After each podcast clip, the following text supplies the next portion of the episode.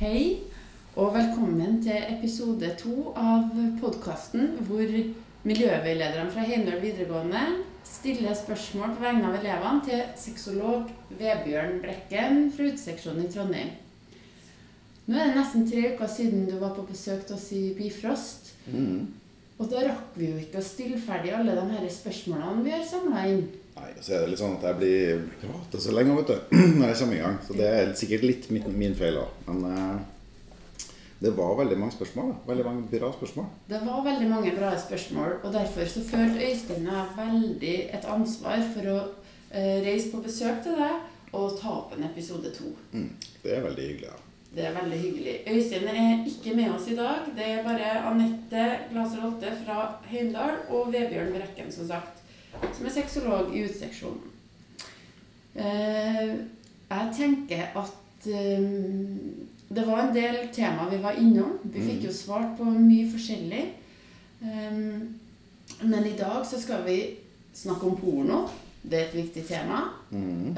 Og så skal vi snakke litt om legning, og hva det er som normalt og unormalt. Du sa jo det sist, at det er noe veldig mange er opptatt av. Hva er det som er normalt? Mm. Er jeg normal? Ja. Det stemmer. Det er liksom det jeg får flest spørsmål om, syns jeg. Mm. Eh, og det, men det er en normal del av det å være eh, tenåring og det å på en måte skulle gå inn i voksenverdenen òg. At Mm. man eh, er opptatt av om er jeg som alle andre, og hvordan skal jeg være, og hva slags mann eller jente eller eh, Ja. et eller annet annet skal jeg være. Ikke sant. Um, hvis vi går på det temaet, da, eh, så har eh, vi bl.a. fått et spørsmål eh, Vi har fått flere spørsmål som handler om det å være homo eller ikke. Jeg regner med første spørsmålet her er fra en gutt. Hva gjør jeg om jeg liker gutter? Mm. Og det er jo et litt stort spørsmål. og Nesten litt vanskelig å svare på sånn helt sånn generelt. Ja. Ja. Mm. For hva er det som er å være homo, da? Ja. Kanskje vi skal begynne med det? Mm. For det er jo noen som liker noen av samme kjønn. Gjerne blir forelska i noen av samme kjønn. Nå er det ganske mange, eh, både i Norge og andre land, som regner seg for å være heterofil, og som stort sett blir forelska i noen av motsatt kjønn, men som innimellom kan ha sex f.eks. med noen av sitt eget kjønn. Og da tenker jeg, da er du jo ikke homo. Kanskje er du bifil, eller kanskje biseksuell, eller et eller annet i den retningen.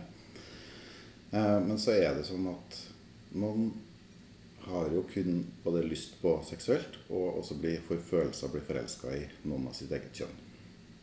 Og det er normalt. Sånn er det i naturen òg.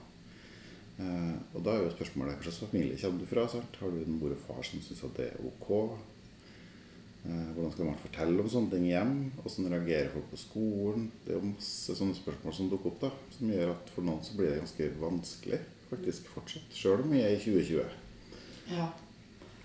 Eh, og det du sier om at det går an å være per definisjon heterofil, eller i hvert fall stort sett bli tiltrukket av motsatt kjønn, men Mm. innimellom ha lyst til å ha sex eh, med en av samme kjønn. Det Mm. er også flere spørsmål som er f.eks.: Er jeg homo om jeg liker å ha dildo i rumpa? Er man homo om man blir sugd av en gutt? Det er to sånne eksempel. Mm.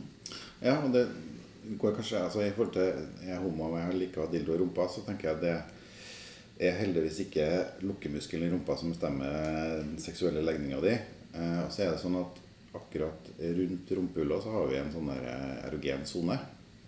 Så det er ikke alle som liker, men mange som syns at det kan være ålreit å bli stimulert der. Det har ingenting med hvem man blir tiltrukket av. Det har noe med at det er sånn kroppen vår er laga. Så det er Noen liker det, noen liker det ikke. Rett og slett. Ja. Og det opplever jo jeg Det snakka Øystein her litt om at eh, vi opplever at det kommer en del spørsmål rundt dette. Men hvordan vet jeg om jeg er enten hetero eller homo? Mm. Eller at man kan tro at sånn Oi, jeg hadde én hendelse hvor jeg ble sugd av en gutt, Mm. og jeg er gutt sjøl. Mm. Det må vel bety at jeg er homo. Men som du sier, det er ikke, Mm. eh, det er ikke kjønnsorganene dine eller det som Mm. liksom avgjør Eller én sånn hendelse som avgjør. Det er hva du kjenner i følelsene dine. Mm. Og hvem du blir forelska i. Og så er det jo noen som vil si at Jeg er ikke opptatt av hvilket kjønn. Jeg blir forelska i folk. Sant? Det, er det, jo, det er jo egentlig en fin holdning å ha. Eh, men så er vi jo opptatt av å putte både oss sjøl og hverandre litt sånn i båser. Og vi er opptatt av hvem er jeg, da. Eh, og i hvert fall hvis man tenker at man kan være redd for at det at hvis jeg skulle finne på å være homo, da Hvis jeg, det er sånn at jeg liker folk med mitt eget kjønn, hva betyr det for livet mitt videre? Betyr det at livet mitt blir vanskelig? Det er fortsatt mobbing, det er fortsatt folk som bruker homo som skjellsord. Mm. Så at man kan bli redd for det, det kan jeg også forstå. Mm. Men at man blir at du er gutt og blir sugd av en gutt, og til og med syns det var kjempeålreit, betyr ikke at man nødvendigvis er gutta man liker. Det tror jeg man må finne ut av. Altså. Da må man prøve å kjenne etter. Kanskje man prøver å ha sex med noen flere hva hvis man eh, tenner på homseporno, da? Eller liker homseporno, som det heter her? Mm. Mm. Ja, det er det jo en del som gjør. Og så er det jo noe med altså, porno i seg sjøl Jeg tenker jo, Det har kommet noen spørsmål om porno, sa dere. sant? Eh, jeg tror porno i seg sjøl er litt sånn der, Det er jo kan jo være sexy. Og det er jo mange som kan tenne på å se andre folk som er kåte. Det er ikke så uvanlig. Um, om det er en av samme kjønn eller om det er et annet kjønn, så er det noe med at det å se sex i seg sjøl faktisk gjør at man sjøl kan bli kåt, eller kan tenne på det. Uten at man nødvendigvis tenker at man har lyst til å gjennomføre det sjøl. Og så er det også sånn at det fins jo eh, det finnes både jenter og gutter som kanskje fantaserer om litt sånn voldsom og brutal sex, eller man kan ha litt sånn voldtektsfantasier. Men i fantasien så er jo dette helt trygt. I fantasien så er det helt trygt å ha sex med tolv menn samtidig. Men det betyr ikke at man har lyst til å gjøre det i virkeligheten. Så hva vi kan liksom tenne på når vi fantaserer om ting, eller hvis vi ser en film, er noe ganske annerledes enn det vi nødvendigvis har lyst til å gjøre sjøl. Mm. Eller gjør, gjennomføre i virkeligheten. Mm. Så det betyr jo også at om du tenner på homseporno, så er det ikke sikkert du har lyst til å ha sex med en mann engang. Men akkurat det er et eller annet spennende med det likevel. Som ja. gjør at det kan være fint å fantasere om eller å se på. Mm. Mm. Mm. Ja, så det er ikke sånn at øh, det er noen direkte sammenheng mellom fantasier og det du går ut og gjør eller ønsker å gjøre i virkeligheten? Nei, det er jo ikke det. På samme måten som vi ser på en actionfilm hvor folk har hugd huet av folk og syns det kan være både spennende og artig, og sånn, så har vi ikke lyst til å gjøre det sjøl når vi kommer ut. Og det er Litt sånn uh, far out-parallell, kanskje. Men, men, det er litt noe i det, altså. Mm. Mm. Mm.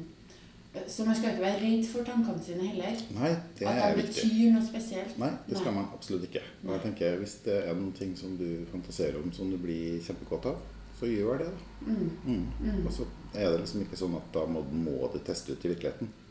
For det er masse vi ikke skal prøve å gjøre i virkeligheten, som kan være farlig og skummelt, men som kan være kjempeartig å tenke på. eller drømme om eller fantasere om. Mm. Mm. Eh, det er også en som spør her om det er vanlig å være tiltrukket av en transe. Ja, det er jo noen som syns at transer er spesielt tiltrekkende. Og kanskje er det fordi at de har litt uh, Altså de, Kanskje har de det beste fra begge kjønn på et vis. Mm. Uh, og så er det jo mye av den pornoen som på en måte utgir seg for å være transeporno, da, er jo gjerne litt sånn pornos hvor man uh, gjerne ser folk som har litt sånn alle kjønnskarakteristikker. Um, det er mye sånn shemale-porno. ikke sant? Altså menn som har fått operert inn pupper, um, som er på nettet, og som ser veldig kvinnelige ut, men som fortsatt har penis. Mm. Og det kan jo være spennende å fantasere og drømme om det òg. Altså noen som, liksom, som, er litt alt. Mm. Som både har en penis og men som også ser ut som en dame, og som høres ut som en dame og oppfører seg som en dame. Mm. Mm. Så det er nok en del som spesielt tenner på transer, og kanskje ganske vanlig å tenne på, på sånn jente til Nei, til gutt til jente-transer. Det er ja. kanskje det det er aller meste av på ja. nettet. Mm. mm. Ja. Men det er også en pornostjerne som nå jeg nå ikke husker navnet på, eh, men som er ganske kjent. Som er en sånn jente til gutt-transe som ikke har fått operert eh, underlivet sitt, men som ser veldig ut som en mann og røyker sigar og har skjegg og sånn, men som fortsatt har kvinnelig kjønnsorgan. Ja. Ja.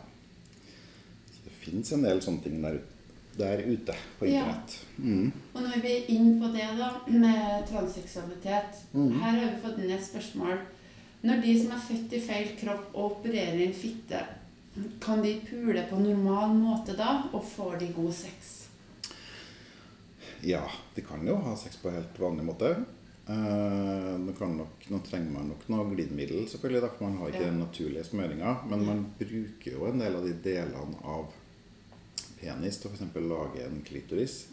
Eh, sånn at man kan ha sex og oppleve at det er bra. Og en del kan også klare å få orgasme.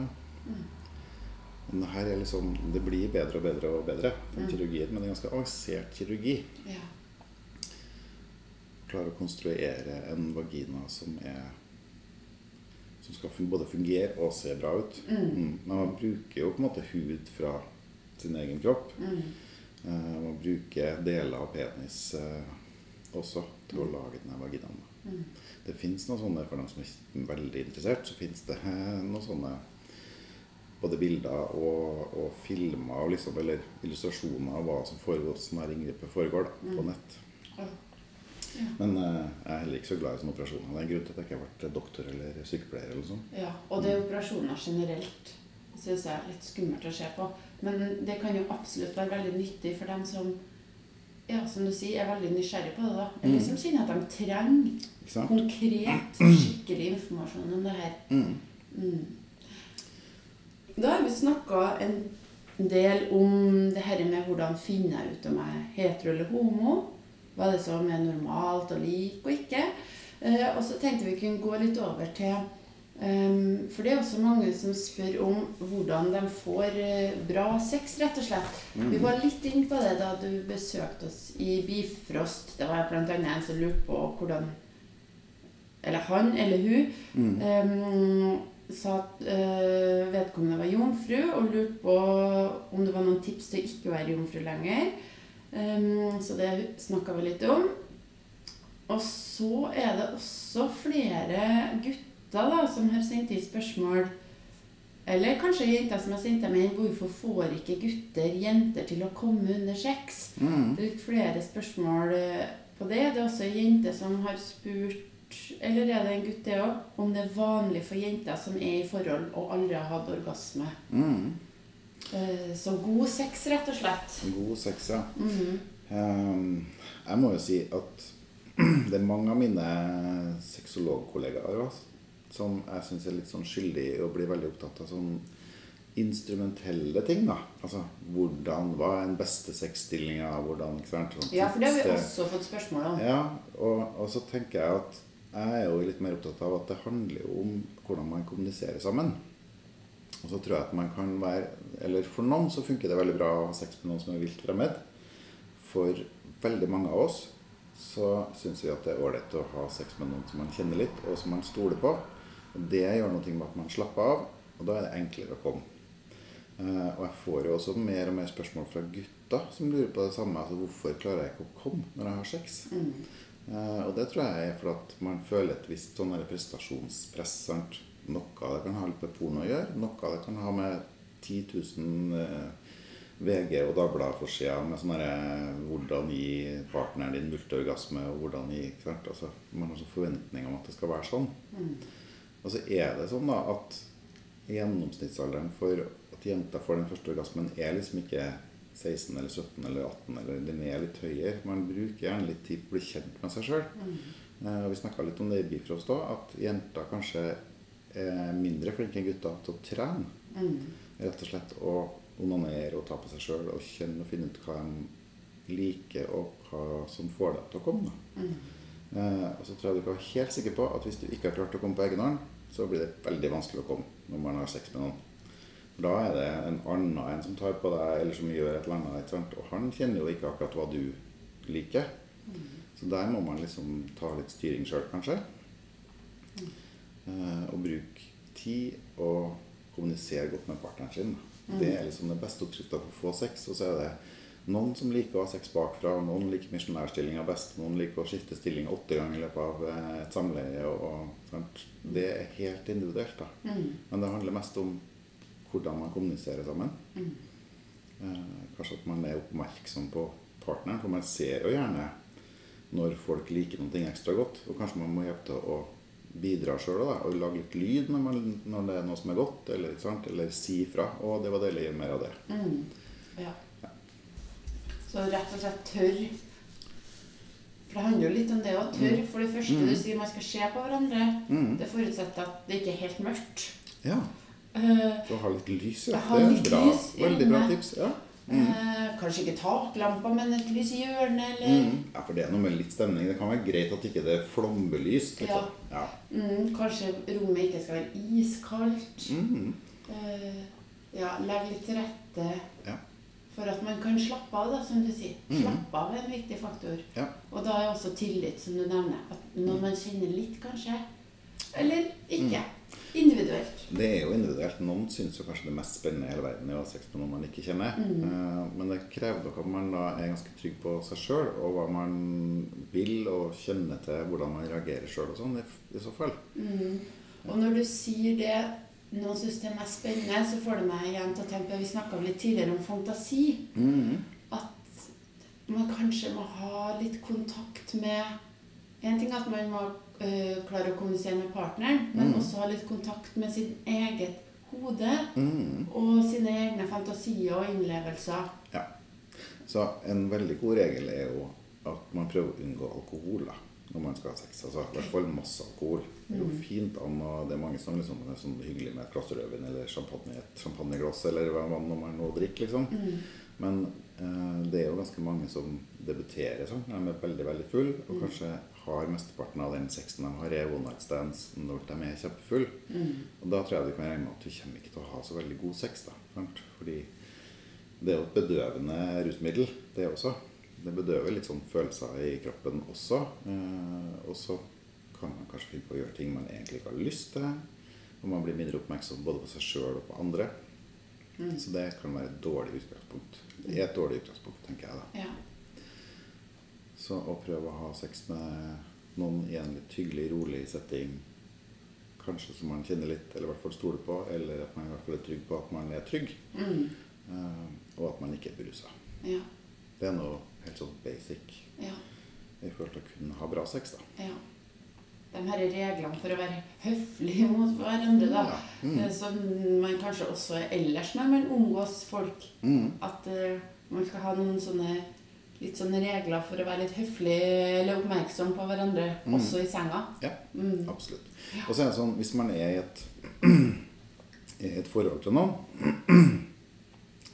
så kan det jo være greit da, hvis man er en gutt som klarer å komme på egen hånd, men som kanskje ikke klarer å komme sammen med partneren sin, så er det faktisk mulig å onanere sammen eller vise hverandre hvordan man gjør ting. Sant? Det kan være en fin opplæring av en partner. da. Mm.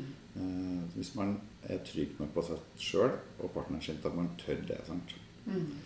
Så er det sånn at de fleste av oss syns det er ganske fint når partneren vår blir kåt, og vi kan se det. Så det også er noe med det er bare fint å lage litt lyd eller vise at man liker ting. Da. Mm. Det verste som finnes, er jo å ha sex med noen som man liksom virkelig lurer på Syns du egentlig at det er ålreit, eller kunne jeg tenkt deg godt? Ja, ikke sant. Mm. Ja. Men hva er det som gjør at vi blir så kanskje sjenert i den settingen? Ja, Si det. Ja. Mm. Nei, men det er jo Man, altså, man er jo bokstavelig talt naken, sant? og kanskje man byr litt på seg sjøl på mange måter. Og så er det jo noe med Franskmennene kaller jo orgasme for den lille død. Sant? Altså Ja. eh, le petit mort. ja. Og det er jo litt for at man mister jo litt kontroll, kanskje. Og sånn også. Og det å miste kontrollen sammen om man ikke stoler på, det er jo kjempeskummelt. Ja, det er Det- kjempeskummelt. Så det kan man jo godt liksom på en måte isolere seg eller beskytte seg fra. Mm. Da blir det vanskelig å komme. Mm. Mm. Mm. Eh, hvordan merker man at man har fått orgasme, da? Man kan jo spørre dem, da. Ja. Kom du egentlig? Mm. Mm. Kanskje det det så foregår det så voldsomt mye og er litt så vilt og gærent at man ikke helt får det med seg. Ja. Um, men så er det jo sånn at de fleste kanskje lager litt lyd, eller man kan se det på hvis man ser folk inn i øynene, så er det jo som nesten pupillene vokser. Kanskje man får et annet ansiktsuttrykk. Eller, ja. Og for gutter så er det jo greit, fordi som regel så henger det jo sammen med at med, Orgasmen henger som regel sammen med at man også eh, At det kommer sæd. Ja.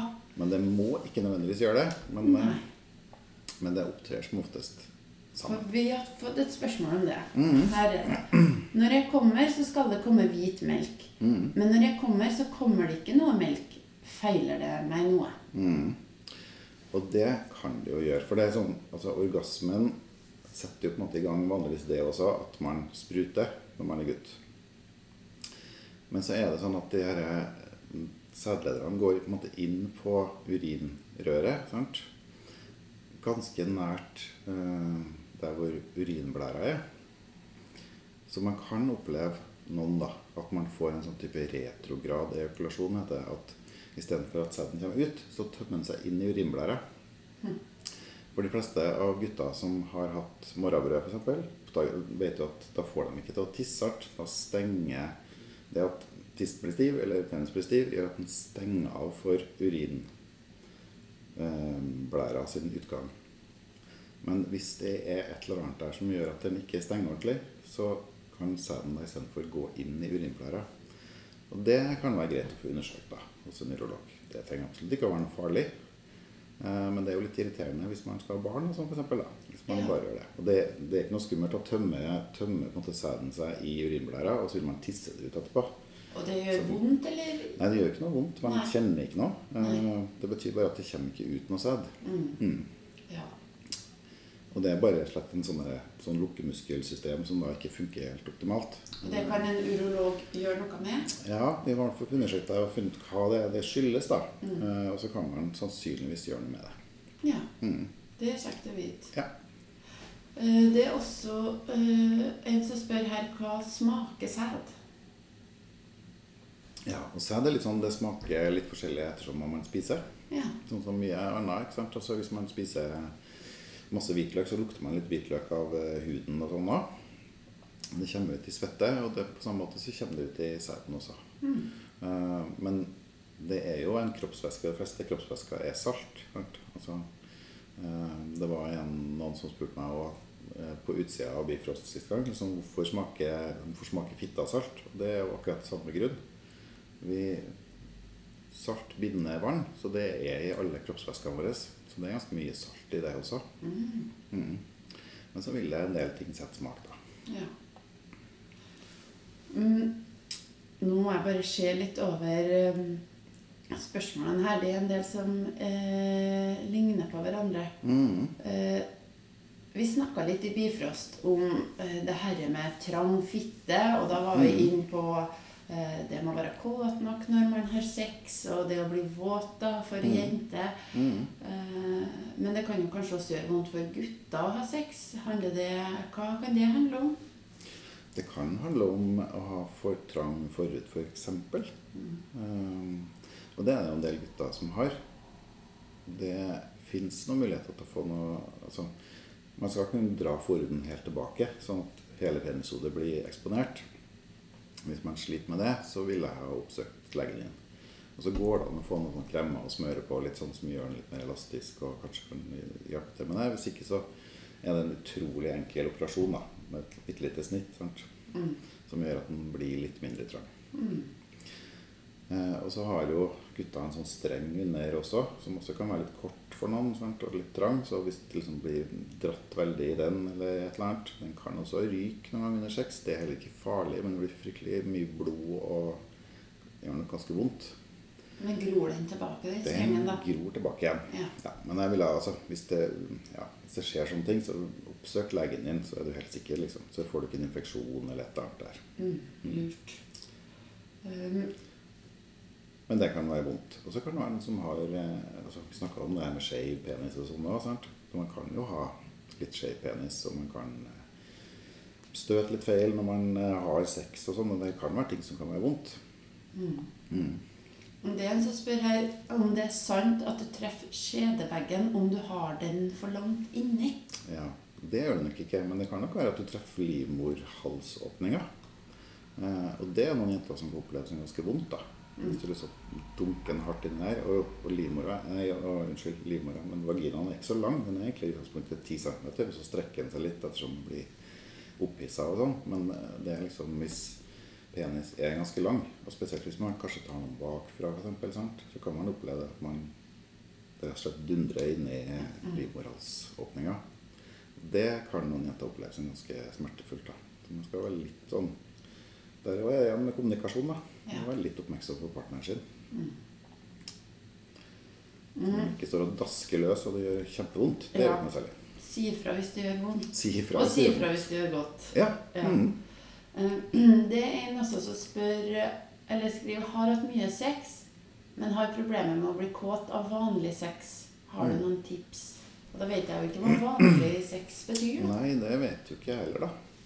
Det her er jo sånne spørsmål som hvis jeg får dem sånn på gangen utafor Bifrost eller når jeg er på gata, eller sånn, sier at sånn, kom inn på kontoret, så tar vi en prat om det. Mhm. Ja, for da, der må vi kanskje bruke litt mer tid på å utforske hva, hva er det du tenker på som vanlig sex? Hva er det du har erfaring med? Har du fantasi og drømmer om ting? Ja. Så det, det er litt vanskelig å svare generelt på det. altså. Mm. Men det er jo, hvis man har en partner som man eh, stoler på, og sånn, så går det an å utforske litt ting sammen. Og det er jo noen som tenner på litt andre ting enn mange andre igjen. ikke sant? Som noen vil si er uvanlig sex, da. Eller mindre vanlig sex. Så det kan jo være at det er andre ting som du liker eller tenner på. eller Da er jo det helt greit, men da må man jo finne ut av det. da. Hva er det jeg syns er mest spennende?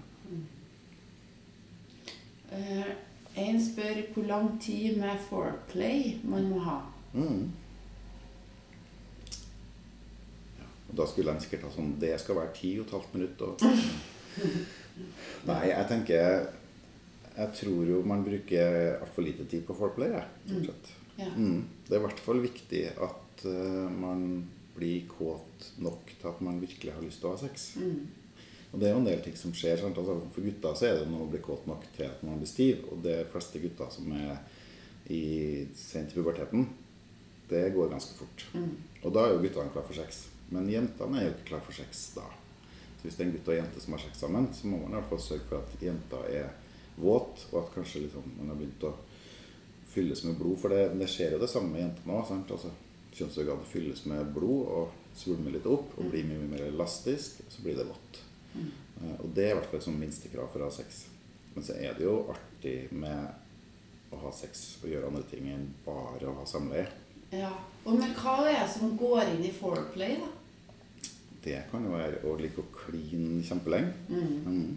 Eller å massere hverandre, eller å onanere hverandre, eller å slikke eller suge hverandre, eller ja, alt mulig annet enn akkurat penetreringa. sant? For du vet noen ting om at et samleie sånn i snitt varer liksom i tre og et halvt, fire minutter kanskje. Mm. Det er det som er sånn gjennomsnittstidsforbruk på selve samleiet. Så hvis man skal ha sex og kose seg med sex over litt tid, så må man gjøre noe annet enn bare det. Mm. Ellers er det fort over. Ellers er det fort over. De, fleste, de aller, aller fleste gutter, nesten alle, er ikke sånn som på pornofilm at man driver og dasker løs i 20-25 minutter. Det er vanskelig å få til. Hvordan får de det til på pornofilm, da? De eh, redigerer nok litt, rett og slett. Det stoppes litt underveis, og man venter litt. Og, ikke sant?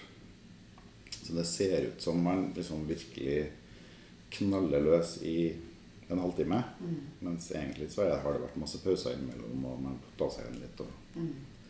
ja, så skifter man stilling 100 ganger og sånn. sant? Underveis så kan man nå få en liten pause. Ja. Ja. Så jeg tror nok at for de fleste så vil det som man kaller for foreplay, eller ha andre typer sex enn bare akkurat samleie, er det som man gjør mest av, egentlig. Mm. Mm. Um, det er også en som har spurt om gutter kan være jomfru. Ja er ikke, det, er ikke det, Kaller vi ikke jomfru når man ikke har hatt sex, da? Jo, vi gjør jo det. Ja. Ja. Og da kan vi jo også gå inn på det her berømte eh, jomfruhinna, som jeg mm. nå, nå opplever at flere og flere blir bevisst. Mm. Men fakta er at det finnes ingen jomfru hinne i form av et lokk eller en liten glava-pakkfilm oppi skjeden. Det, Det finnes ikke. Nei, det gjør det ikke. Og så er det dessverre sånn Jeg har en datter som nå har begynt på videregående, eh, og det står fortsatt i lærebøkene hennes om kroppen at den finnes. Og det er litt trist, da. Det er trist. Men det, vi, det jenta har, er en sånn skjedekrans, kalles det. sant? Altså, det er en liten krans rundt skjeden, og den er hos noen veldig vid, og hos noen så er den litt større. Og hos noen så kan den nesten minne om en sånn hinne òg? Altså det er nesten lukka. Det er aldri helt lukka. For man eh, Da hadde jo ikke mensen kommet ut, Nei, den, den hadde ikke det. Nei. Sant? Så det er noe med det. Det er ikke en altså, jomfru Jeg tenker Hvis man skulle hatt en jomfruhinne, så måtte det være en sånn slags membran som bare slapp gjennom menstruasjonen og ting som skulle ut, men ikke noe fikk komme inn. Ja. Ja, Det høres veldig sånn, litt sånn divine ut, det der, da. ja. Men det er en krans der, og sånn så kan den være litt trang. Og det er også den som ofte revner, eh, og som gjør at man kan blø litt ved første samleie og sånn. Men det er ikke noe som alle trenger å oppleve. Um, Den er i forskjellig størrelse, og den er også litt fleksibel. Men for mange så vil det liksom, i det øyeblikket man begynner å bruke OB eller et eller annet, eller stikke en finger inn i seg sjøl kjenne litt, eller hvis man driver med ballett eller strekker ut, så vil den jo ofte revne. Mm. Eh, og så er man liksom ferdig med det. Mm. Sant. Men det kan være grunnen til at noen opplever at det er vondt første gang man har sex. da. Ja. Det og at man kanskje ikke nødvendigvis er kåt nok og er veldig nervøs, det kan også gjøre at det blir vondt. da. Ikke sant. Mm. Eh, Jeg har eh, et annet spørsmål eh, som handler litt Jeg tror det blir det siste spørsmålet på dette temaet. Mhm. Men det er hvor, hvorfor får man en diarélignende følelse under analsex? Ja. Du har jo et eller annet sånn Altså ytterst altså Det som vi snakker om som rumpehullet, er jo en sånn lukkemuskel sant? som åpner og lukker seg når det, når, man, når det kommer bæsj ut. Og Hvis den er holdt åpen, så er det kanskje akkurat den samme følelsen som man har når det liksom, man har diaré. Mm. Det er ikke noen annen grunn jeg kan tenke meg til at det føles sånn. Mm. Vi har jo en del nerver oppe i, oppe i endetarmen som på en måte skal Jobben deres er egentlig å si fra at nå må vi på do. Ja. Ja. Fordi den lukkemuskelen der er det, det husker jeg ikke fra naturfagen om Mm. vi styrer den sjøl eller ikke. Jo, Nei, vi, vi gjør jo egentlig ikke det. Eller, den vil jo, ja, men vi kan, det er faktisk en muskel, så vi kan bevege den noe. Ja. og man kan jo presse ikke sant? Ja. når man skal på do og sånne ting. mm, Um, men jeg tror nok at altså, det gir på en måte tilbakemelding om at nå er det noe på vei ut, egentlig. mm. er det som kroppen vil tråkke det som. Sant? Mens det egentlig er noe på vei inn. ikke sant? Mm. Men hjernen Ja. Hjernen er vant til å tolke det signalet som at nå må jeg på do. Ja. Ikke sant? Så kjennes litt ut som man må bæsje. Ja. Ja. Mm. Og det er sikkert forskjellig akkurat hvor sterkt man kjenner på det. Eh, og noen er jo veldig glad i analsex og syns at det er kjempedeilig. Mm. Og noen syns ikke det er noe ålreit. Mm. Så det er jo også sånn, da må man finne ut av om det Det er ikke sånn at alle må ha analsex. Det er også litt viktig. For det også er litt sånn pornolevning, tenker jeg. At vi ser på pornofilm, og så liker alle jentene i pornofilm veldig godt å ha analsex. Men sånn er det jo ikke i virkeligheten. Noen syns det er fryktelig vondt og ubehagelig, og noen syns bare det kjennes ut som man skal på do. Sant? Mens noen liker det, og liker den følelsen sant? av å få noe oppi rumpa. Men hvis man opplever at eh, partneren sin er veldig glad i noe man sjøl ikke er så glad i, hvor drar man opp grensene? Mm. Hvor langt skal man strekke seg for å prøve å være med på det partneren vil, Mm. kontra det å si fra sånn Nei, det passer ikke for meg. Ja. Nei, det der er jo også vanskelig, sant. Og så er det litt sånn hvor lite passer det for meg, da. Er det sånn at det er kjempevondt, så tenker jeg at da skal man absolutt ikke være med på det.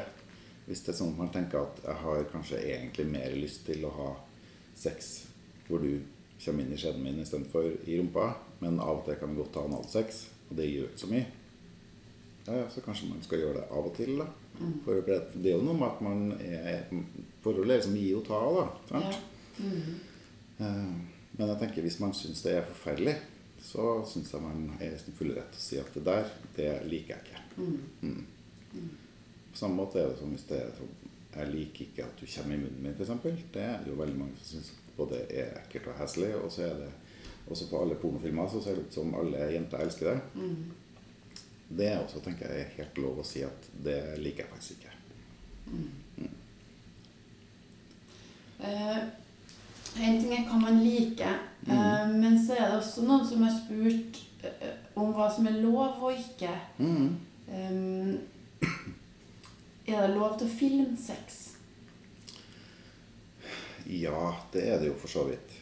Uh, Det er jo ikke ulovlig å filme. Jeg tenker hvis, hvis man er et par som har sex sammen, så er det ikke ulovlig å filme det. Men det er jo ikke lov å filme noen uten at de vet det, f.eks. Det er ikke lov. Og det er ikke lov å filme folk som har sex som er under en seksuell lavalder, f.eks., og distribuere det. Da vil det være overgrepsmateriale og en ganske, får ganske streng straff for å kunne ha det på telefonen din eller å distribuere det. Det er viktig. Mm. Men i et parforhold så er det jo ikke helt uvanlig det at man kanskje filmer hverandre eller syns det kan være gøy, eller sender snapper til hverandre med et eller annet. Eller det er man å å dele det med andre, spesielt uten at partneren din har samtykka til det. Mm. Da begynner det å bli ulovlig. ja. Samtykke er viktig. Samtykke At man vet at det skjer, Mm. og at man syns det er greit at det skjer. Ja. Ja. Mm. Så er det noe med at samtykke betyr at man virkelig samtykker og sier ja. Det betyr ja, sant? Mm. Det betyr ikke at jeg regna med at hun sikkert syntes det var greit. Nei. Nei, det er ikke samtykke. Nei. Det er også viktig. Mm. Mm. Det skal være tydelig informert. Ja. Tydelig og informert, og ikke noe press. Mm. Mm. Det er også viktig. Mm. Mm. Um, er det ulovlig å ta seg betalt for et ligg? Nei, det er det ikke. Ikke i Norge. Vi har en sexkjøpslov i Norge som har gjort det ulovlig å kjøpe sex, men det er fortsatt ikke ulovlig å selge sex. Det er ganske viktig. Eh, Man ønsker ikke å kriminalisere dem som eh, kanskje var- følte seg tvunget til å leve av det å selge sex, f.eks. De skulle ikke kriminaliseres, men det var dem som kjøpte sex, som ble kriminalisert. Så det er ganske viktig. Men det er altså ulovlig å betale for å ha sex med noen. Mm. Mm. Avslutningsvis eh, så må vi snakke litt om det her med graviditet eh, og mensen. For det har det kommet inn noen spørsmål eh, om Det første spørsmålet jeg kan stille, det er faktisk det her Hvorfor er ikke seksualundervisningen på skoler i Norge mer utbredt og bedre enn den er i dag? Vi burde lære mer om kondomer og graviditet. Ja. Og så syns jeg man burde lært mer om veldig mye andre ting òg, da. Jeg er For, enig. ja, for jeg tror jo at kondom og graviditet, det lærer man om på skolen. Eh, men man lærer kanskje ikke så mye om følelser rundt sex og alle de her spørsmålene her som er kjempe, kjempefint, sant? som berører litt sånn her Er jeg homo hvis jeg liker noe i rumpa? Alle de tingene her. Mm. Eh, og rundt sånn Hva er det som er bra sex? Hvordan kan jeg få bra sex, f.eks.? Det er jo spørsmål som heller ikke man lærer noe særlig om på skolen. Mm. Så jeg er jo helt enig i at ikke seksualundervisninga er bra nok. At vi burde hatt mye, mye mer av det. Mm. Um, og så er det Jeg har jo veldig tro på at sånn litt sånn positivt syn på det at unge har sex, er veldig bra, da. Så vet vi jo ting om at jo mer kunnskap unge får, eh, jo mindre grad blir de for tidlig gravid, f.eks. Vi bidrar til å stoppe spredning av en del kjønnssykdommer og sånne ting. Så det at vi liksom gir bra informasjon om sex og seksualitet, gjør at folk tar bedre valg for seg sjøl og sin egen kropp. Da. Mm. Og det er jo sånn statistisk bevis. da. De landene som har minst seksualundervisning, har flest ungdommer som blir gravid veldig veldig tidlig. Eller det er en mye større spredning av kjønnssykdommer. Mm. Sant. Mm. Uh, det får meg til å tenke på um, en gang Jeg tror det var da jeg jobba i utseksjonen ved Bjørnstad der. Mhm. Så var vi på en konferanse Var det det? Samme det. I hvert fall én gang så var jeg en plass hvor det ble sagt til oss voksne at vi må engasjere oss mer i det som skjer på nett med barna våre. Det handler om alt som skjer på nett. Mm. Og da var, var det foreslått at på samme måte som du vil spørre en ungdom hvordan hadde du det på fotballtrening i dag, mm. så burde du spørre hvordan hadde du det på internett i dag. Ja. Og da tenker jeg, kan man også spørre La oss si at jeg er tenåringsforelder, og så har jeg en 16 år gammel gutt f.eks. Mhm. Eh, som har en kjæreste som jeg kjenner. Mm. Kan jeg da spørre min 16 år gamle gutt Har dere ålreit sex? Ja. Eller vil det bli Burde man? Ungdommen vil jo kanskje ikke ha det spørsmålet, vil kanskje helst ikke snakke med mora si om det. Men Mm. burde man som foreldre stille litt flere sånne direkte spørsmål? Ja, i hvert fall så burde man kanskje invitere til at hvis du vil snakke om det, så er det helt ok å snakke med meg om det. Mm. Det syns jeg jo. Eh, Men jeg har jo ei 16 år gammel datter. Jeg spør henne ikke om hun har sex. Men vi snakker litt om sex, og, og litt sånn generelt. Sant? Og hun vet at hun kan snakke med meg om det. Mm. Eh, Men jeg syns kanskje at det ville vært å legge seg litt opp i hennes liv. Hvis jeg hadde spurt sånn eh, Ja, hadde du bra sex i dag? Med, ikke sant? Hvis hun nå hadde hatt en kjæreste, da. Mm. Eller har dere ålreit sex? Mm. Ja, da tror jeg heller jeg ville ha snakka litt sånn generelt om sex, eller, at, eh, eller det om å ta ansvar for sin egen kropp, eller altså Sånne ting har vi snakka om. Mm. Mm. Mm. Men jeg vil ikke spørre direkte. Jeg vet ikke om vi har hatt sex eller ikke. Nei, for det kan bli for invaderende. Ja, jeg syns det kan bli litt invaderende. Ja. Ja. Og vi skal være litt som Vi har altså ungdommene våre, og det kan jeg jo si jeg som har en ungdom hjemme, sant? de skal jo bli voksen og skal ha sitt eget liv, og de skal liksom frigjøre seg litt fra oss eh, foreldre. Det må de få lov til. Mm. Da må de få lov til å ha noen hemmeligheter. Mm. Ja, det er viktig. Mm. Jeg er nok bare nysgjerrig på grensegangen mellom eh, hemmelighet Eller gode og vonde hemmeligheter, Ja, som mine tantebarn hol- holder på å lære seg forskjell Mm. på. De er små barn på Mm, barneskolen. Holder på å lære seg om forskjell på gode og vonde hemmeligheter. Mm. Og hvordan, vi, hvordan kan vi kommunisere til barn og ungdom at du skal få hemmeligheter, og det er bra, Mm. fordi du skal være selvstendig og løsrive deg. Mm. Men noen hemmeligheter skal du slippe å ha. Ja. Mm.